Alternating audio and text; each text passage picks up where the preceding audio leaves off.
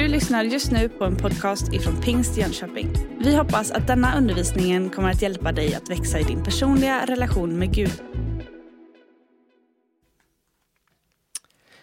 Då är du välkommen att tillsammans med mig, Tommy Wallin, som till vardags är pastor i Pingstförsamlingen i Mullsjö, läsa Bibeln tillsammans. Du kan höra det över närradion och då hälsar jag dig välkommen eller om du lyssnade via podden. Vi pastorer här i södra Vätterbygden vi tar tillfället i akt här att under den här tiden som vi lever i just nu att eh, ha bibelstudium och andakter där vi vill dela utifrån Guds ord och tankar för att kunna ge tröst och stöd och på olika sätt där vi får vara förankrade i bibelordet. Jag tänkte att tillsammans med dig läsa från Kolosserbrevet. Brevet som Paulus skrev till eh, församlingen i Kolossai. Och vi kommer att läsa en, några stycken i taget och så kommer jag att ge några kommentarer. Eh, och jag tänker så här att vi ber en bön innan vi läser. För det viktiga med bibelordet är ju inte i första hand att vi har läst det och att vi har behandlat det utan det fantastiska är ju att bibelordet kan få göra någonting med oss. Där det faktiskt är Gud som verkar och talar genom sitt ord till dig och mig. Vi kanske inte förstår allting, kan greppa om allting, men eh, det måste vi inte göra. Men vi kan be att den helige Ande får vara här och få ge oss de tankar som han vill ge oss. Och så får jag och du be den bönen och det som berör våra hjärtan, det får vi ta vara på och låta Gud få verka. Vi ber tillsammans. Tack Fader i himmelen att du är med den här stunden. Tack för ditt ord, Jesus Kristus, som du har talat till oss, som vi har fått och som du vill använda för att eh, vi ska få lära känna dig ännu mer, komma närmare dig. Och jag tackar dig att nu när vi läser bibelordet tillsammans så är du där med din heliga ande och vill beröra våra hjärtan. Tack att du är den som finns med oss genom livets alla förhållanden och skeden. Tack att vi inte vi behöver prestera någon tro eller någonting överhuvudtaget. Utan att tron får vara det, på dig får vara det som bär oss igenom allt. Välsigna oss nu, jag ber dig Jesus. Amen. Vi börjar med hälsningen som Paulus alltid börjar sina brev med på ett eller annat sätt. Och till församlingen i Kolossai så skriver han så här. Från Paulus, genom Guds vilja, Kristi Jesu apostel och från vår broder Timoteus, till de heliga i Kolossai, våra bröder som lever i tron på Kristus. Nåd och frid från Gud, vår Fader. Ja, som Guds ord är så är det så mättat av spännande saker och tankar man kan få ur det här och bara de två första verserna här tänker jag är fantastiska också. Med tanke på, bara man tänker på att det är Paulus som faktiskt skriver det här. Där han skriver om nåd, han skriver om frid, han skriver om Gud Fadern och till församlingen där. Paulus, som vi vet hans bakgrund var som en radikaliserad som han var som person innan han fick mötet med Jesus. Hur hatet var hans drivkraft och det fanns en oförsonlighet hos honom och där han inte tog sig för att leda människor ända in i döden. Och han såg det som något gott. En radikaliserad fanatiker. Hur kan en sådan tala om nåd och frid? Ja, det är inget annat än ett mirakel. Men ett mirakel som också väcker hopp. Många gånger kanske jag och du möter människor och, och, vi tänker nej, det där kan ju aldrig bli någonting eller han är nog långt borta från Gud eller ja, vi kan ha många olika tankar om det där. Jag tänker att Gud får bota oss ifrån det där och att vi istället får tänka när vi möter människor. Ja, vad kan Gud göra i den människans liv? För om man kunde frälsa Paulus, förvandla hans liv, så finns det ingen människa som är omöjlig. Så denne Paulus är det som skriver. Hans helt nya fokus istället för att förfölja församlingen är istället att bygga upp den, uppmuntra den, stärka den på alla de sätt han kan. Så på många sätt så finns väl hans personlighet kvar, Paulus. Han har den här hängivenheten, han har det här otroliga drivet i, i det han vill göra. Han brinner, han har gett allt, han, han frågar inte efter någonting annat. Utan det verkar som han eh, 24-7 som vi säger är upptagen av församlingen, Guds verk. Att nya människor får höra om evangeliet. Det sätter han som en ära i, att inte bygga på det någon annan har byggt. Men där han får också vara med och styrka församlingen. För han ser att det behövs stärkas en församling. För i den här världen vi lever i så är också församlingsgemenskapen utsatt för så mycket inflöde av olika slag. Människor med tankar och filosofier och allting som fanns runt omkring på den tiden men som också finns i andra skepnader idag. Och han såg att ordet behövs, bibelordet behövs in i församlingen för om inte bibelordet finns där som vägledare, riktningsgivare, livgivare så är risken att Guds församling kommer fel eller att den grupp som finns där Därför denna iver, därför denna entusiasm som Paulus har för församlingen i Kolossai. Vi fortsätter och läser ett stycke till eh, från den tredje versen. Vi tackar alltid Gud, vår Herre Jesu Kristi Fader, var gång vi ber för er. Ty vi har hört berättas om er tro på Kristus Jesus och om den kärlek ni hyser till alla de heliga i hoppet om det som väntar er i himlen.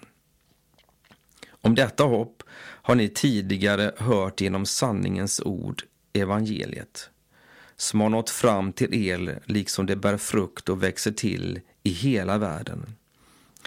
Så har det gjort hos er också ända sedan den dag då ni först hörde det och fick kunskap om Guds nåd sådan som den verkligen är.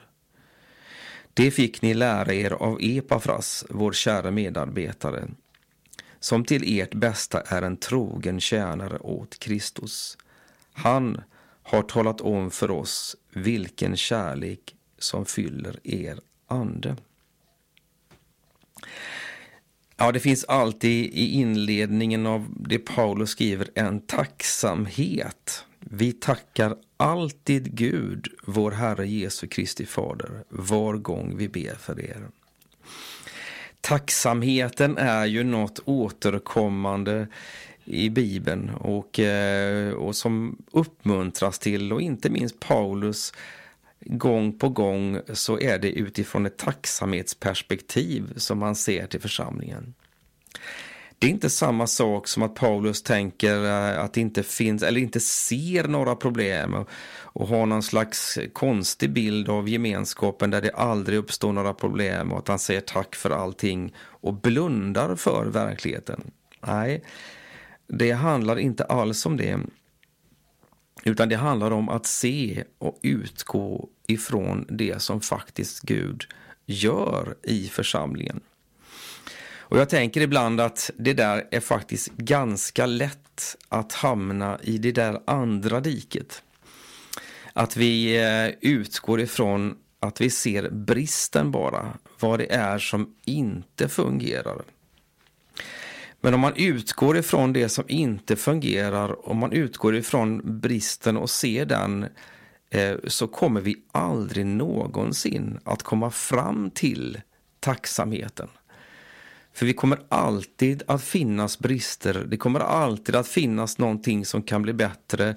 Det kommer alltid att finnas någon man kan bli besviken på och så vidare och så vidare.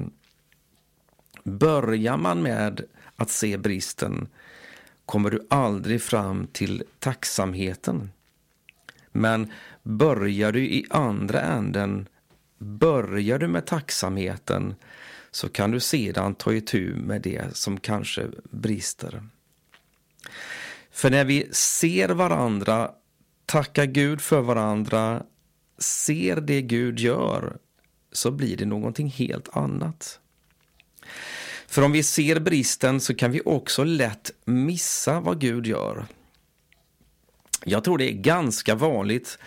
Jag kan tydligt se det i mitt eget liv när jag blickar tillbaka att jag har haft allt för färdiga bilder som har gjort att jag inte har sett vad Gud gör. Där jag har bestämt eh, för Gud så att säga vad, vad, hur han ska agera och jag har en bild av hur saker och ting ska hända och hur det ska bli. Jag har en förväntan och en förväntan kan ju i en mening vara god. Men i en mening kan också förväntan skapa bilder som gör att jag missar faktiskt det Gud gör. En tanke jag fick i början på året när jag predikade här, det var att byta ut ordet förväntan mot öppenhet istället. För om jag är öppen för vad Gud vill göra så kan jag lättare upptäcka vad Gud faktiskt gör. Det ligger ju en förväntan i öppenheten, men i öppenheten ligger det också en beredskap på att Gud faktiskt kan få göra det han vill göra på det sätt han vill göra. Så att inte jag sitter och tänker ut vad som är bäst för mig, utan istället att Gud får komma till mig på det sättet som han vet är bäst just för mig. Så tacksamheten, öppenheten gör att vi kan lättare se vad Gud vill göra i våra liv. Ta med dig den tanken. Gör en liten notering om du har något papper du skriver på nu eller om du lyssnar eller om du, vad du än har framför dig eh, och fundera kring det här. Är, hur ser mina förväntningar ut? Och vad händer om jag istället sätter mig ner och tänker Gud, jag är, vill vara öppen för vad du vill göra just nu. Tack Gud för vad du vill göra just nu. Och i det sammanhanget så kan vi vara inlyssnande för vad Gud vill göra. För något år sedan så eh, läste jag, tror det var en artikel eh, av, av, eh, om Mattias Klum. Han är ju världskänd fotograf, har fotograferat för alla de stora eh, tidningar och annat som ger ut fantastisk fotograf. Och naturligtvis blir människor eh, nyfikna om och, och tänker, eh, men hur, hur får du de här fantastiska eh, naturbilderna? Hur, hur gör du? Hur söker du upp dem? Hur hittar hittar du de vinklarna och så vidare och så vidare? Eh, han ger ett väldigt intressant svar, Mattias Klum. Han sa, jag kör med stubbtricket. Eh, och då blir man ju ganska nyfiken på, på vad då en, en stubbe, det kan väl inte lösa så mycket i det här sammanhanget. Eh, men det han säger då är väldigt intressant tycker jag och lärorikt på livets olika områden. Han säger, jag sätter mig ner på en stubbe och sen så väntar jag på och, och bara sätter mig ner och väntar och är öppen. Då kommer naturen till mig istället. Han eh, sprang alltså inte runt i naturen och tänkte nu ska jag hitta den och var är den och så vidare och så vidare. Han sökte på ett sätt inte efter den perfekta bilden genom att jaga den. Istället så väntade han på att eh, naturen skulle komma till honom. När han satt där tyst, stilla, lyssnande, iakttagande, då kom de här fantastiska möjligheterna. Och då hade han kameran redo att kunna fånga ögonblicket. Och jag tänker att det där är en bra bild att ta med sig också in i livet överhuvudtaget, men inte minst in i vår relation till Gud. Att in, vi behöver inte jaga upplevelser och rusa omkring överallt. Eh, genom hela historien och inte minst i vår tid som vi levt i också så har det ständigt eh, förflyttats platsen du måste åka till för att göra den rätta upplevelsen. Och jag kan inte börja räkna upp alla platser som under var under min tid som kristen 70, 80, 90 och 2000-talet har, har varierat. En är det här, en är det där, en är det den kontinenten eller den andra kontinenten eller i den staden eller den talaren och så vidare och så vidare. Visst kan det vara uppbyggligt, visst kan det vara finnas bra saker med att lyssna in på olika sätt. Men är inte sanningen ändå den, och det är inte kanske, utan den är ju det, att Gud faktiskt är nära oss var och en. Och där vi faktiskt bara kan sätta oss ner, där du är. Där du är just nu, där du lyssnar, så behöver inte du förstå allt jag säger. Jag tror du märker att jag inte är så mycket av bibellärare som systematiskt tar mig igenom saker utan eh, jag vill vara inlyssnande på vad Gud vill säga just nu också. Och det får du vara där du sitter med. Eh, du behöver inte förstå allt, omgreppa allt, historier och bakgrunder och allting. Utan du kan vara i bön och säga Gud, hur vill du komma till mig den här stunden? Hur vill du möta mig just nu? Och så får man säga tack Gud. Paulus tackar Gud för församlingen. Han tackar för kärleken till alla de heliga. Och det är ju ett spännande uttryck. Dels tacksamheten över varandra, eh, som vi då säger att den är viktig när vi ser varandra. Eh, och det är inte bara om verksamheten vi kan se bristen, utan ibland så kan vi se bristen i en relation och så vidare. Men det gäller ju samma sak överallt. Börja aldrig med bristen, börja med tacksamheten. Eh, för då får vi ett annat sätt att förhålla oss till varandra och se på varandra. Det är ju ett intressant sätt som Paulus ser på församlingen. Redan i de första verserna så läste vi om att eh, det var till de heliga i Kolossai. Och sen läser vi i eh, vers 4 eh, där det står kärleken ni hyser till alla de heliga. Och kanske både du och jag tänker, aha, där sprack det.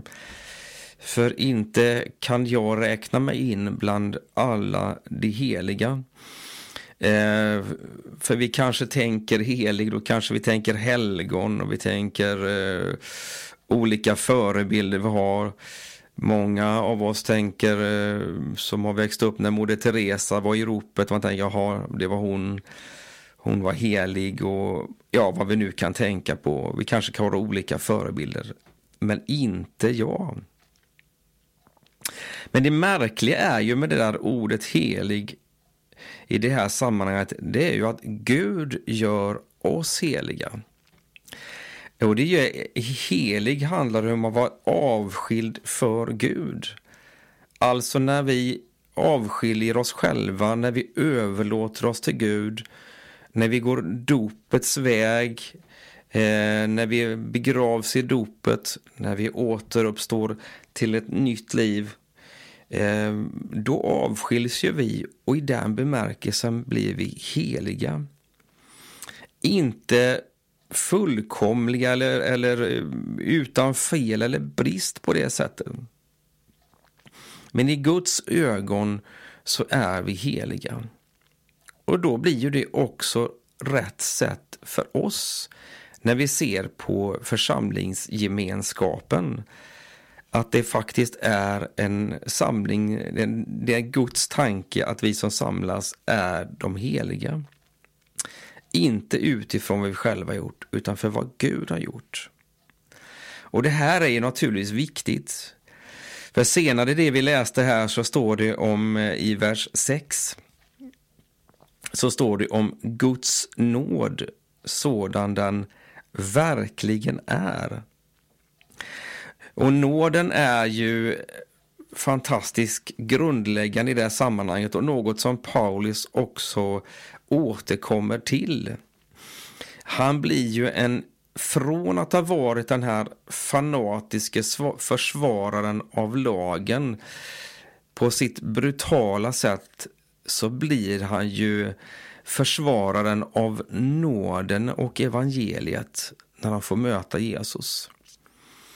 När han skriver till Galaterna så är det utifrån en stor frustration över att Galaterna har glidit bort ifrån nåden och börjat att föra in prestationen igen in i församlingen.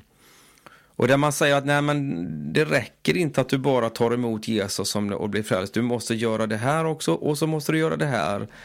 Och så har man helt plötsligt en lista framför sig med saker som måste avverkas och klaras av för att du ska säga nej men nu, nu, nu är jag frälst på riktigt här. Det där väcker frustration och ilska, passion på ett kärleksfullt sätt hos Paulus. Och han säger det här är inte längre evangeliet. Eh, och det står också i vers 5 här, om detta hoppet, om det som väntar er i himlen, om detta hopp har ni tidigare hört genom sanningens ord, evangeliet. Så evangeliet kommer med sanningens ord som proklamerar Guds nåd. Och genom Guds nåd är vi var vi är, inte genom någonting annat. Vi människor har en sällsynt god förmåga att eh, gång på gång hamna i det som är prestation i våra liv. Och därför känns det som att vi nästan dagligen behöver påminna oss själva och varandra om att nej, det var ju inte min prestation, det var ju faktiskt Guds nåd. Det här kan ju ta sig uttryck på en mängd olika sätt. I bönen till exempel så kan vi tänka att bönen har vi fått av nåd. Vad fantastiskt det är. Gud kommer till oss i bönen av bara nåd. Jag får ta emot av det Gud gör. Jag får bli en del av det Gud vill göra i det sammanhang som jag finns i, det sammanhang som jag står i. Eh, och jag får ha den här relationen, gemenskapen med Gud. Genom försoningen, genom vad Gud och Jesus har gjort för oss på Golgata kors så upprättas ju relationen igen. Och det får vara min, ja, min, min utgångspunkt i bönen. Gud kommer nära mig och på något förunderligt sätt är jag älskad av honom trots allt. Och därför vill han komma nära mig när jag ber.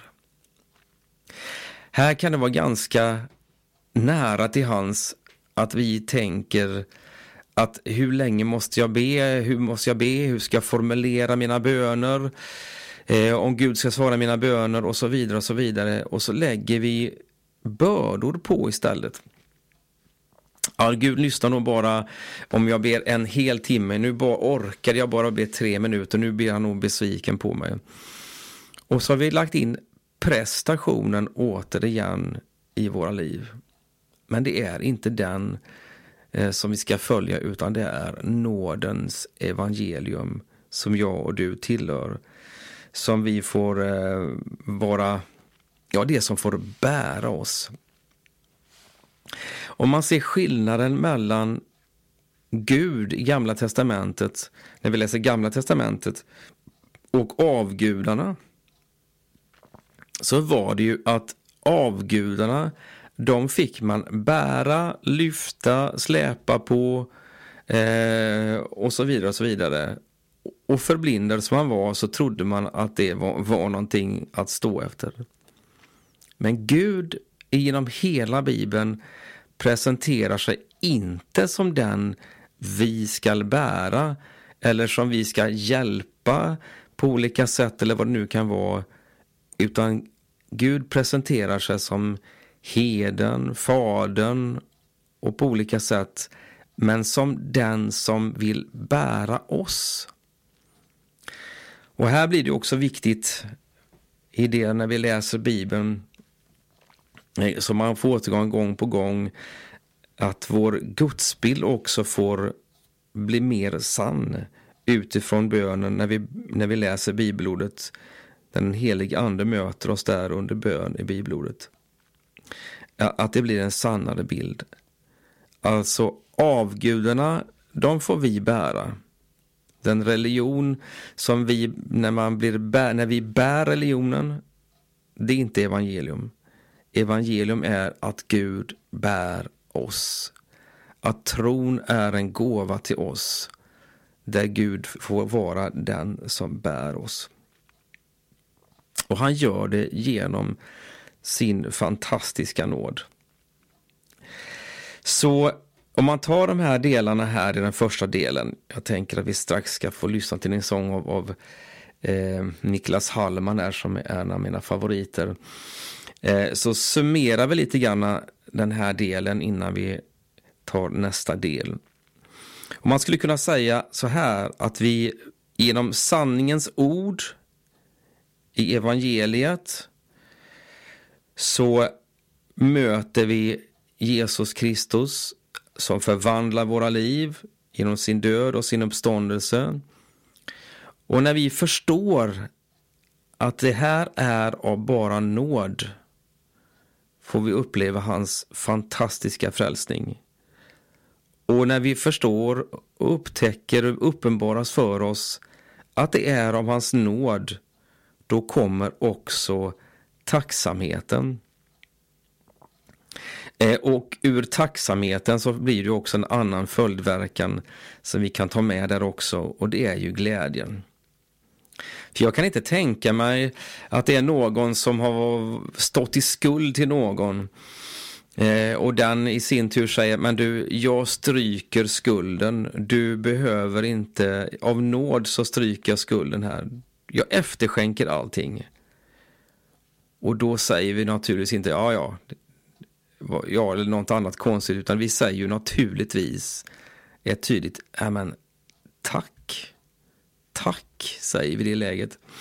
Och, och då tänker jag att det är väldigt svårt att efter det sitta och vara sur, utan naturligtvis utifrån det här tacksamheten så, så kommer det också ett leende, ja, men tack. Så jag tänker så här,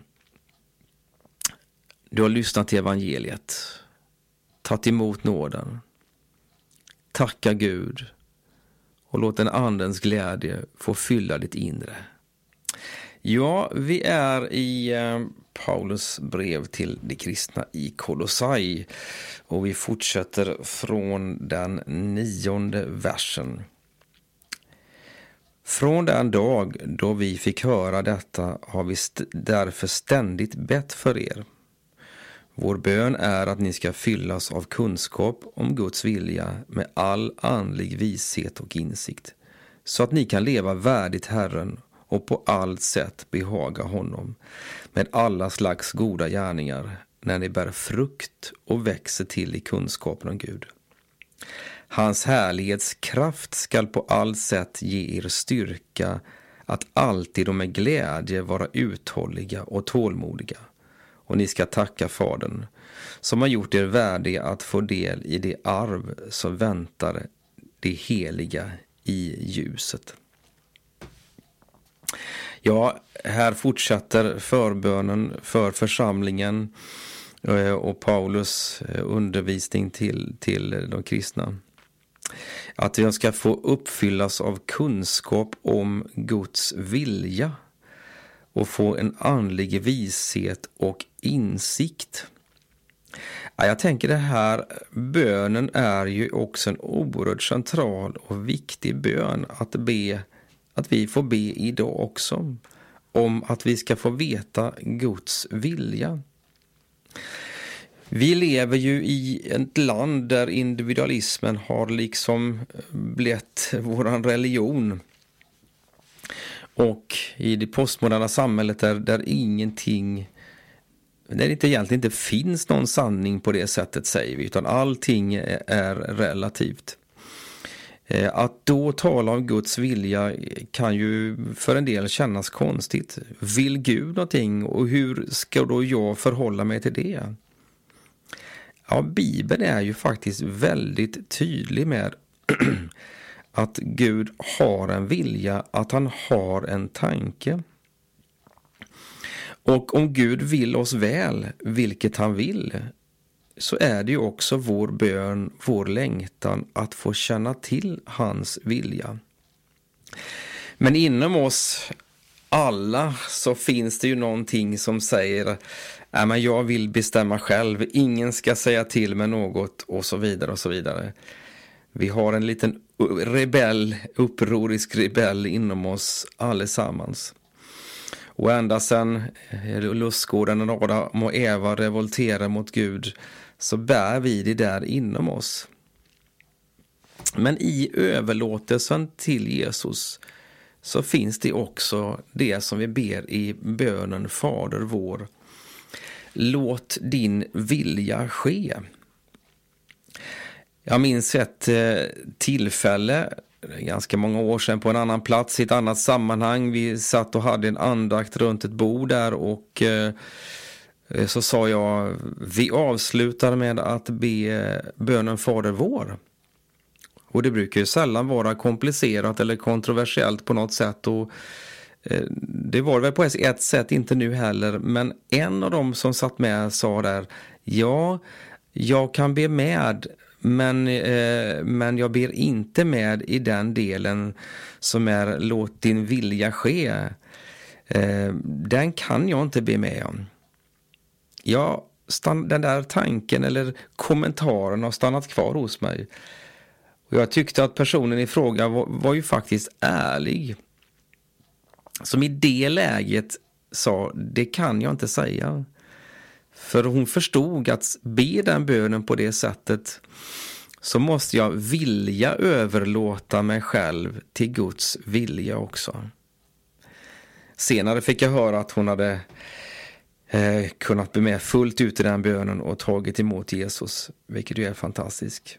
Men ibland är det, ibland säger jag, men det är bra med ärliga personer som kan ge de där kommentarerna som faktiskt väcker oss.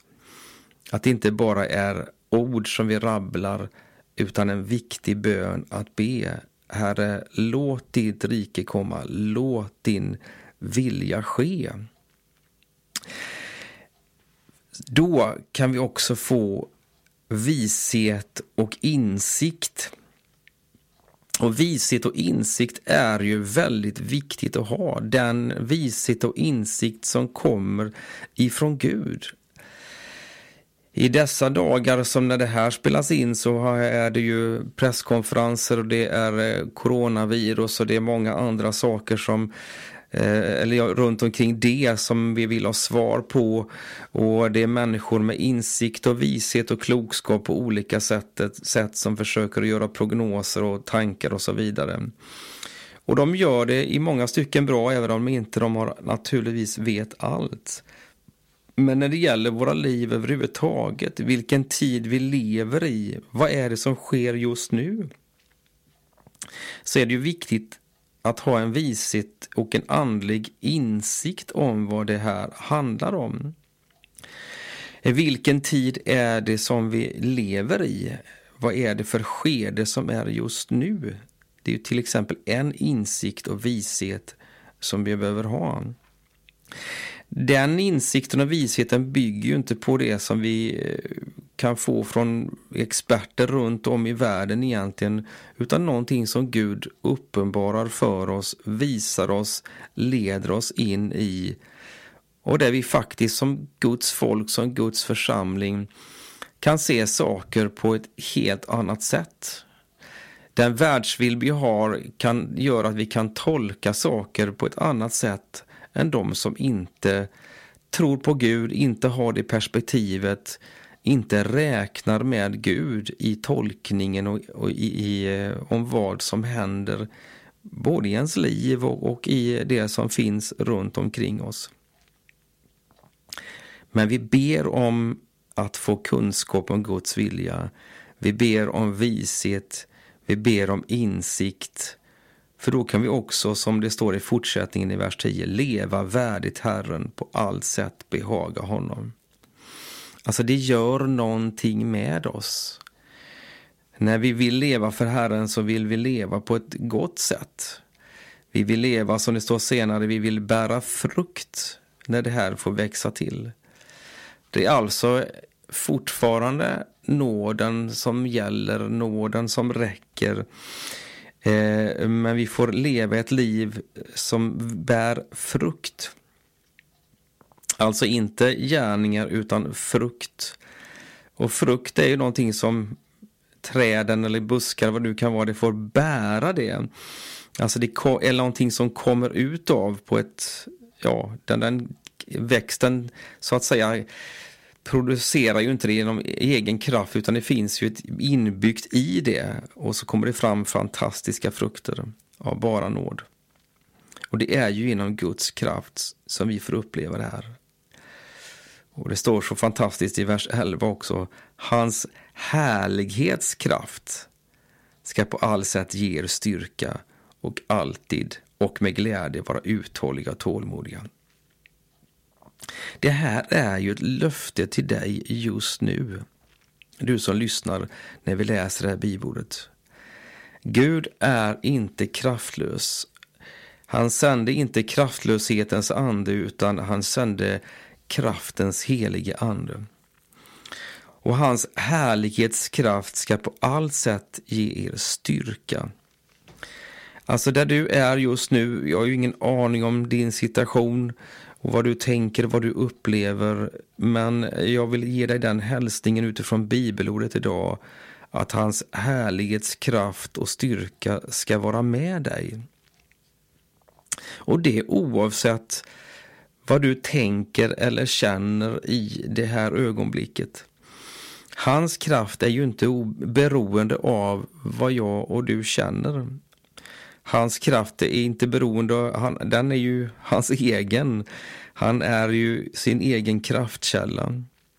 Men det han vill göra i ditt liv är att komma med sin kraft och med sin glädje eh, som, som också finns där, som vi tidigare talade om, utifrån tacksamheten och nåden. Och den glädjen och kraften blir ju en bärkraft in i ditt och mitt liv. Jag har fullt förståelse för att man i olika situationer i livet har svårt att ta till sig det där och, och eh, tänker att det, det där var det dummaste jag hört till och med kanske. Men när vi läser det här så är det ett tilltal ifrån Gud till oss. Han vill komma med sin kraft och han vill komma med sin kraft till dig som just nu lyssnar till det här också. Så där du sitter, eh, så var i bön och gör det som vi har sagt tidigare. Konstatera att det är nåd, tacka för nåden och låt glädjen fylla dig. Nu kommer vi in i en del av det första kapitlet här eh, Eh, till det kristna Kolossai som, som eh, också talar om vad Gud har gjort i våra liv och eh, vem han är. Vi fortsätter. Han har räddat oss ur mörkrets välde och fört oss in i sin älskade sons rike. Och genom sonen har vi friköpts och fått förlåtelse för våra synder. Han har räddat oss, vi stannar där, han har räddat oss ur mörkrets välde och fört oss in i sin älskade sons rike. Det här är starka ord. Det här är ju dramatiska ord. Och när vi lyssnar till vittnesbörd så kan det ibland verkligen vara sådär påtagligt. När någon vittnar om ett liv i kanske eh, droger, kriminalitet och vad det nu kan vara. Och där man får uppleva frälsningen och, och där man verkligen upplever det att gå ifrån mörker till ljus. Men det är ju sant oavsett hur våra liv har sett ut så handlar frälsningen om att vara räddad ifrån mörkrets välde. Kanske du har växt upp med en naturlig tro på Jesus och levt med den i hela ditt liv. Då är du ändå räddad från mörkrets välde. Och det är just ett välde att sitta fast i det där. Eh, det är inte krafter som man bara tar sig ur hur som helst. Det vet man, men man sitter fast i mörkret och det som har tag om en hur gärna man än vill och hur gärna man kan förstå att nej, men jag sitter ju fast i det här. Jag är ju bunden i det här. Hur ska jag komma ut ur det här? Livs, destruktiva livsmönstret eh, och vad det nu kan vara som ligger som ett mörkt täckelse över ens liv. Eh, mörka tankar kanske som, som gör negativa spiraler i ens liv. Hur ska det kunna komma ur det där? Men här säger han att vi har räddat från mörkrets välde och fört oss in i hans älskade sons rike. Och även om vi läste om det som väntar oss i himlen i de första verserna och det är där fullt ut rike, Guds rike kommer liksom att eh, ge genomslag i hela våra liv. Det är hoppet om uppståndelsen som påsken talar om där eh, vi ska förvandlas på samma sätt som Jesus förvandlades på eh, påskdagens morgon på samma sätt så ska vi uppstå ifrån de döda. Men Guds rike, eh, även om det fullbordas där, så är Guds rike närvarande här och nu också. Så den här stunden är också hälsningen kanske till någon som lyssnar att om mörkrets välde har ett grepp om dig så kan du få komma in i hans älskade sons rike. Eh, och för att genom sonen har vi friköps och förlå fått förlåtelse för våra synder. Hans älskade sons rike. Guds rike var ju temat för många av Jesu predikningar när han gick här på jorden. Ett rike som inte har några jordiska gränser eller eh, gränsövergångar och sånt och man behöver inte pass eller några sådana fysiska saker. Men inte desto mindre ett verkligt rike att räkna med. För i det riket så är Jesus kung och där han är kung där är det också han som har makten. Därför ber vi, låt ditt rike komma. Så att Guds rike får ett inflytande i våra liv. Så att han, för i hans rike, där finns det naturligtvis inget mörker. Det är ingenting där som lägger en, ett, en tung våt filt över våra liv, en, en, en slags ja, mörker på det sättet, utan det är ju ljusets underbara rike som det handlar om. Och vi ser när Jesus vandrade på jorden att de människor han mötte var ju människor av många olika slag och kulturer och sammanhang och tro och upplevelser. Eh, men han mötte dem i det som var deras liv och kunde beröra deras liv. Det handlar om sjukdom, men det handlar också om människor som verkligen levde i det mörkaste mörker där man eh, var under eh, inflytande, demoniskt inflytande till exempel. Och det finns ju en man som man inte, Gergasenas land, som man inte kunde få bukt med. Man kunde inte binda honom, man kunde inte på något sätt få bukt med honom. Han var totalt intagen i mörkrets välde. Men Jesus befriar honom radikalt. Och från att ha varit totalt i mörker så sitter han, som det står, påklädd och vid sina sinnen och samtalar med Jesus. Vilken förvandling det var när Gudsrikets krafter bröt in i den här mannens liv. Guds rike är här och nu.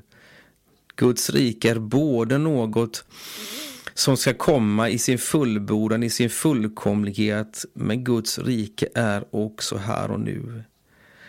Så den här stunden när du läser det här bibelordet så eh, får du ta med bönen eh, och du får be bönen Kom med ditt rike, låt ditt rike komma Gud in i mitt liv. Du ser vad det är jag brottas med, du ser vad det är för mörker och vad det nu kan vara för slag som finns i mitt liv. Tack för namnet Jesus, att det kan befria och föra, till befriar och för in i Guds rike. För som det står i vers 14, du är friköpt och du har fått förlåtelse för dina synder. Insikten om att du är förlåten, i det ligger ju friheten. För är du förlåten av vår himmelske far genom Jesus Kristus så är du egentligen inte längre bunden till det som har med mörker och annat att göra. Eh, då kan få du få gå ut i den frihet som finns där. För när du är förlåten för dina synder så, eh, så har din relation till den levande guden upprättats. Och då får du gå in i någonting helt nytt. Då får du gå in i det som är hans älskade sons rike, någonting helt annat. Och vägen in där är ju i överlåtelsen, som sagt var nåden, genom tacksamheten och insikten om att det inte är din prestation utan din öppenhet istället för vad Gud vill göra i ditt liv. Sista minuterna här så tänker jag läsa vidare för det som står där om Jesus är en fantastisk lovsång till honom. Vi läser från vers 15. Han är den osynlige Gudens avbild, den förstfödde i hela skapelsen. Ty i honom skapades allt i himlen och på jorden, synligt och osynligt. Troner och herravälden, härskare och makter, allt är skapat genom honom och till honom. Han fanns före allting och allting hålls samman i honom. Och han är huvudet för kroppen, för kyrkan. Han som är begynnelsen, förstfödd, från de döda till att över allt vara den främste. Ty Gud beslöt att låta all fullhet bo i honom och att genom hans blod på korset stifta fred och försona allt med sig genom honom och till honom, allt på jorden och allt i himlen. Vilken fantastisk sång. Eller sång, vilka fantastiska ord. Du ska strax få lyssna till en sång. Men orden är ju underbara om Jesus, den osynlige Gudens avbild. Gud uppenbarar sig för oss, den levande guden, den helige guden uppenbarar sig för oss genom Jesus Kristus. Och allting är lagt under honom och allting är till för honom och kommer till genom honom. Att läsa de här verserna är ju som att sjunga en lovsång faktiskt. Att hylla honom, Jesus Kristus. Och han är alltså inte vem som helst. Vi sa förut att gudsbilden är viktig för oss. Och den här bilden och de här verserna vill jag också skicka med dig att fortsätta att läsa.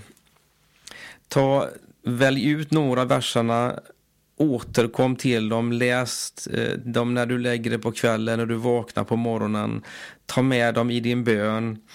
Låt dem till och, kanske bli, till och med bli ord i din bön. För det är en hyllning och en lovsång till honom. Han som är världens skapare, han som har allting i sin hand. Och den treenige guden, Fadern, Sonen och Anden har, eh, som är gemenskap, som ger gemenskap, är ju värdig all vår lovsång och all vår tillbedjan. Till Gud beslöt att låta all fullhet bo i honom, säger om Jesus, och genom hans blod på korset stifta fred och försona allt. Korsets fokus är ju så kännetecknande för Paulus också. Och jag tänker att vi landar där. För där har han stiftat fred och försonat allt med sig. Korset säger oss att Gud har betalt det högsta priset. Korset säger oss att nåden är oerhört dyrbar och stark för oss. Korset säger oss och visar oss på Guds outgrundliga kärlek till oss. Om vi någon gång tvivlar, och du någon gång tvivlar på att du är älskad av Gud, om Gud är god, kom tillbaka till Golgata kors. Om du någon gång tvivlar om, har Gud verkligen frälst mig, förlåtit mig, kom tillbaka till Golgata kors. Påminner jag om att det var för hela världen. Att han har försonat allt med sig när han dog där på Golgata kors. Vad som än återkommer i ditt liv, kom tillbaka till Golgata kors och du ska påminnas om försoningen, förlåtelsen, nåden, allt det där som, som liksom summeras och landar i korset. Där Guds helighet, där Guds vrede över det som är synd, det som är orättfärdigt, osant, det som är destruktivt bryter ner det som är mörker. Och där det mörkret liksom verkar nästan få tag om eh, Jesus där på, på, när han dör på korset och det blir en förmörkelse över jorden. Man kan nästan för ett ögonblick tro, nej, där fick mörkret makten. Men det är precis tvärtom. Där bryts djävulens grepp, där bryts mörkrets makter, där krossas de, där till och med står det att de förnedras, förminskas. De har inte längre den makt som de hade. Så jag och du får gång på gång komma tillbaka till Golgata kors och se, som Paulus sen fortsätter och skriver i det här brevet, vi får se hur han eh, visar på att det här är en verklighet i våra liv. Och det gör du helt oförtjänt, helt utan prestationer, får bli en del av det här. Jag vill be till slut be en bön tillsammans med dig. Tack för att du har lyssnat, tack för att jag fick dela den här stunden med dig. Ja, min bön är att det är ord för jag har fått läsa, det jag har fått säga ska få beröra ditt och mitt liv. Och glöm inte, han är nära dig just nu. Vi ber tillsammans. Tack Herre för din närhet just nu. Jag öppnar mig för din närhet. Jag böjer mig under ditt kors. Och jag tackar dig för din uppståndelse. Tackar du nära oss var och en nu som lyssnar den här stunden. Du har just lyssnat på en podcast ifrån Pingst Jönköping. För att få reda på mer om vilka vi är och vad som händer i vår kyrka så kan du gå in på pingstjonkoping.se eller följa oss på sociala medier via pingstikpg.